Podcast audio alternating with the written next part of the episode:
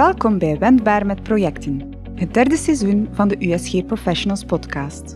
Samen met jou duiken we vijf weken lang in de do's en don'ts van modern projectmanagement. In deze vijfde aflevering staat Agile Working centraal. De laatste jaren werd Agile het buzzword voor alles wat verwijst naar flexibel werken. Toch gaat het over iets heel concreet: een werkmethode om sneller in te spelen op verandering. Wat houdt het in en welke voordelen biedt deze werkwijze voor bedrijven? Agile coach Kim Delgadillo schept duidelijkheid.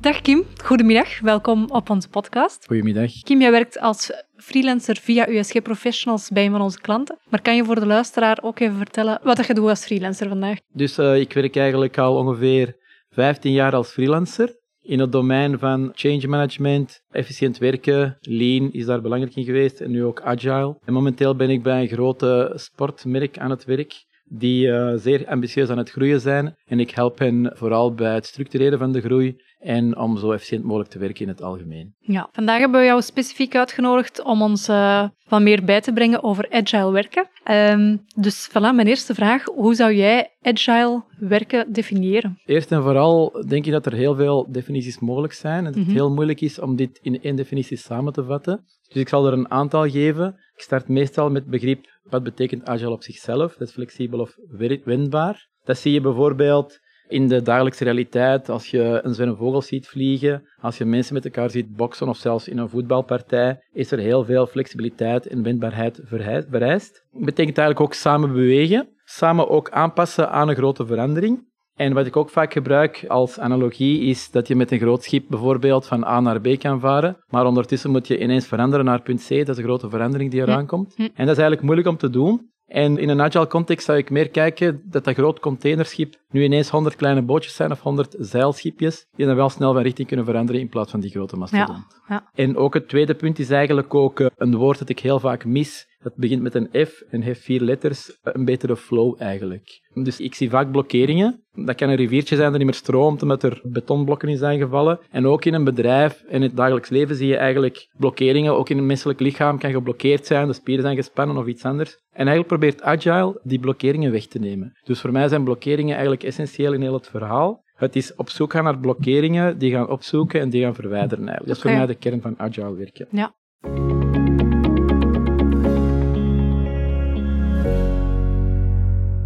Wat kan er als voordeel hebben voor een bedrijf om op die manier te werken? Ik denk dat het voordeel groot moet zijn. Wat bedoel ik daarmee? Het moet business value hebben. Natuurlijk, business value, dat zegt niks en alles. Dus voor mij betekent dat eigenlijk voor een bedrijf, als ik een bedrijf bekijk, moet je enerzijds omzet hebben, je moet winst hebben, je moet tevreden klanten hebben, je moet productiviteit hoog houden en kwaliteit. En de bedoeling van agile werken is dat één of meerdere van deze factoren heel sterk omhoog gaan. Dus niet met 3% of met 2%, maar ik bedoel echt het dubbel. Laten we zeggen, we werken vandaag 50, we werken in de toekomst 50% sneller dan vandaag. Ja. Dat, is een, dat is een voorbeeld. Ja, oké. Zo net in jouw introductie wat dat agile is, heb je een aantal brede voorbeelden gegeven, maar kan je ook een aantal toepasbare voorbeelden op de werkvloer meegeven over agile werken? Ja, ik denk dat er een aantal kenmerken zijn of eigenschappen die je zeker moet uh, hebben als je agile wilt werken.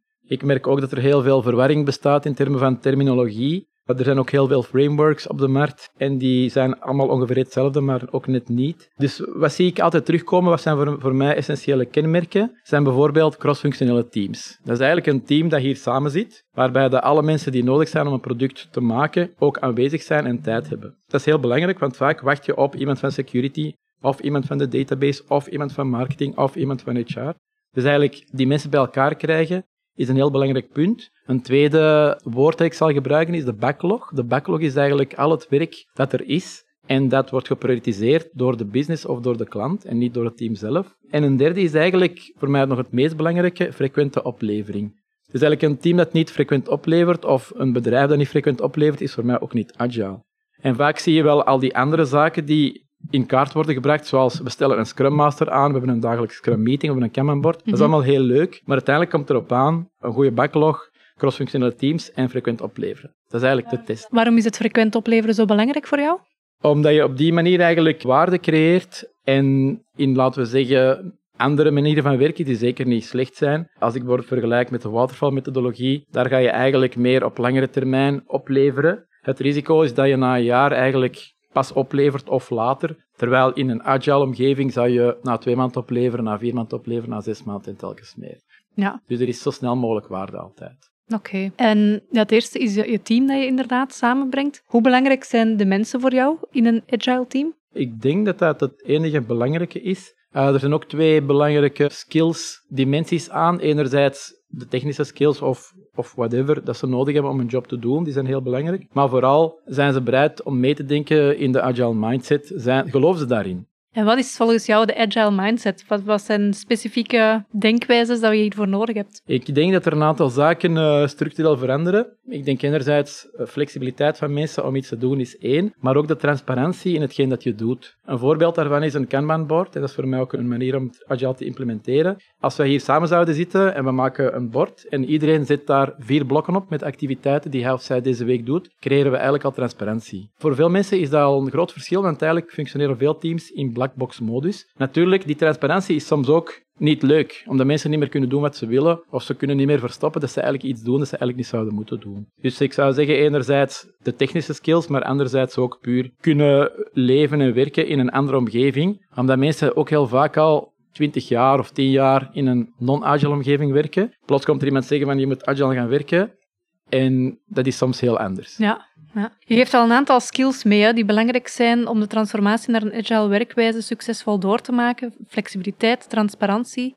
Kan je nog een aantal skills geven? En dat mag zowel op individueel niveau als op uh, bedrijfsniveau. Ik zou daarvoor uh, teruggrijpen misschien naar het uh, Agile Manifesto. Daar zitten veel principes in die ook de basis zijn voor het samenwerken. Dus de Agile Manifesto wordt vaak voorgelezen en dan vergeten. Hetgeen dat erin staat is eigenlijk de titel en die wordt vaak overgeslagen. We zoeken een betere manier van werken. Dat is eigenlijk wat er in het manifesto staat, door het zelf te doen en door anderen te helpen. Dus eigenlijk continu proberen zelf zaken te veranderen op een kleine schaal, maar ook anderen helpen en ook bij anderen gaan kijken, is volgens mij al een heel grote stap. En dan komen er nog een aantal andere bij.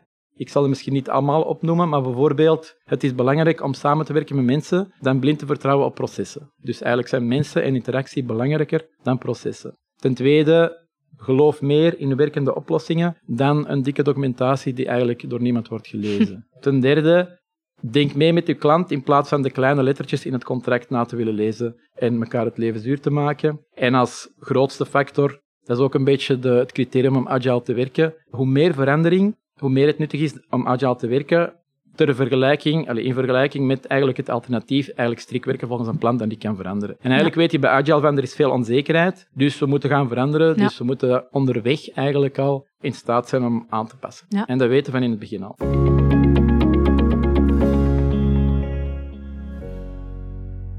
Je werkt zelf in een heel groot bedrijf waar er uh, agile gewerkt wordt. Is deze manier van werken ook van toepassing in kleinere organisaties? Ik denk dat deze manier van werken zowel bij grote bedrijven als bij kleinere bedrijven als op persoonlijk niveau heel veel kan brengen. Het is een heel andere manier, omdat bij grote bedrijven die al lang bestaat, is het veel moeilijker om een verandering te brengen dan bij een kleiner bedrijf. En anderzijds, als je persoonlijk werkt, denk je dat je persoonlijk wel veel kan winnen, maar dat het moeilijk is om heel het bedrijf mee te krijgen. Dus ik zelf, ik kan agile werken, ik zal veel winnen voor mezelf, maar als ik in een groot bedrijf zit en ik ben alleen, zal ik op de duur verdrinken in mijn pogingen om het bedrijf agile te maken. Dus daar is ook een evenwicht in te zoeken.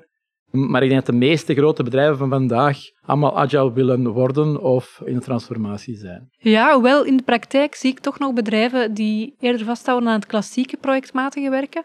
Wat zie jij daar als grote verschil in? Of wat, zie jij als grote voordeel om toch als bedrijf agile te gaan werken? Ik denk dat een bedrijf goed moet beseffen wanneer agile en wanneer klassiek. Ik denk dat klassiek perfect is als alles redelijk voorspelbaar is en als er weinig verandering te verwachten valt. Ik spreek over, uh, we produceren 20.000 items van iets, we doen dat elke week en er zijn geen verrassingen. Daar is klassiek werken perfect mogelijk. Stel nu dat we iets nieuw willen maken. Ik wil een vliegende fiets maken in China, is mijn klassieke voorbeeld. Ik ken niks van China, ik weet niks van een vliegende fiets. Het bestaat nog niet, er is veel onzekerheid. Daar is agile werken meer van toepassing. Een bedrijf kan zeggen van, we zijn in een wereld van onzekerheid, dus we gaan allemaal agile werken. Of ze kunnen kiezen per project. Dit project is simpel, klassiek, we gaan het gewoon doen. Dit project heeft veel onzekerheid, veel risico, een nieuw product misschien in een nieuwe markt, in, met, met nieuwe klanten. En dat gaan we wel agile doen. Dus daar kan je wel de split gaan maken. Het wordt wel verwarrend, denk ik, voor veel bedrijven als ze die twee zaken met elkaar gaan mixen. Ja. Dus als ze hybride gaan werken, is het belangrijk om na te denken wat dat juist betekent. Dat wil niet zeggen dat je gelijk wat mag doen, eigenlijk. Ja. Nu, als ik kijk naar de, ja, ik noem het klassiek, ik vind het niet het mooie woord, maar ik ga het even zo benoemen, het klassieke projectmatig werken, dan zit er vaak een rolverdeling in de organisatie, met een sponsor, met een projectmanager, met een, uh, technisch architect. Hoe zie je dat zelf binnen agile werken? Ziet dat verdeeld of zijn daar ook verschillende rollen en verschillende functies die van belang zijn? Het hangt er een beetje vanaf. Ik denk dat in veel agile frameworks het woord project of de rol projectmanager niet meer bestaat. Dat wil niet zeggen dat uh, dat dat in de praktijk niet moet gebeuren. Maar het framework zal meestal bepalen wat dat juist betekent. Bijvoorbeeld in Scrum heb je een Scrum Master, een Product Owner en een team. Die projectmanager is er niet meer. En daarboven heb je misschien een Epic Owner of andere mensen in de business. Dus eigenlijk die rollen veranderen. Dat wil zeker niet zeggen ook dat je geen architecten nodig hebt. Die architect zal ook deel uitmaken van het team, want iedereen die nodig is om het product te maken, is deel van het team.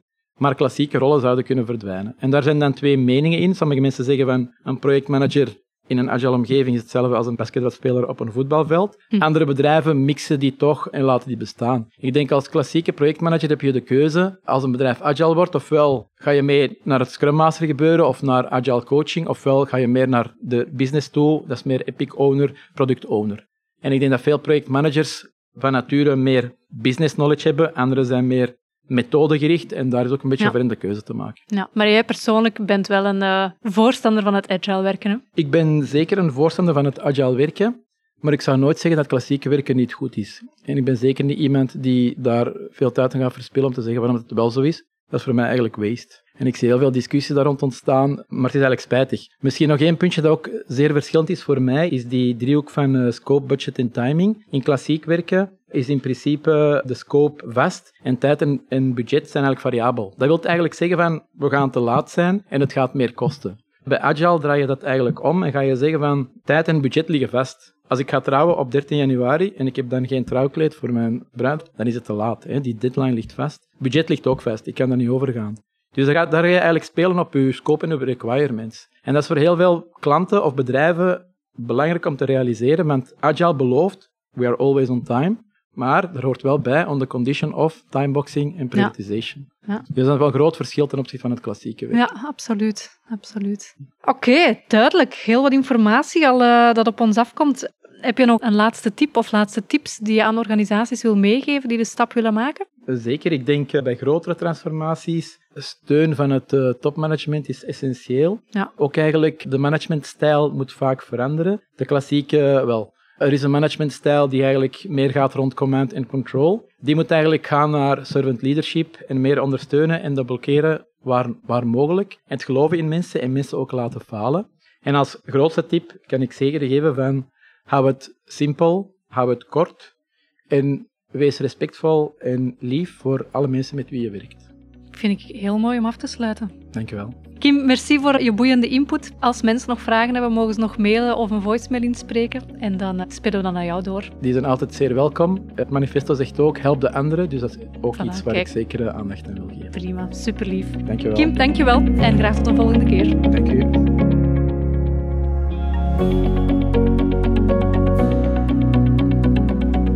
Dit was de laatste aflevering van het derde seizoen. Heb je nog een vraag voor USG Professionals of inspirerende ideeën voor ons volgende seizoen? Laat van je horen via onze Facebook- of LinkedIn-pagina, via een voicemail of met een mailtje naar info.usgprofessionals.be. Bedankt voor het luisteren en tot de volgende!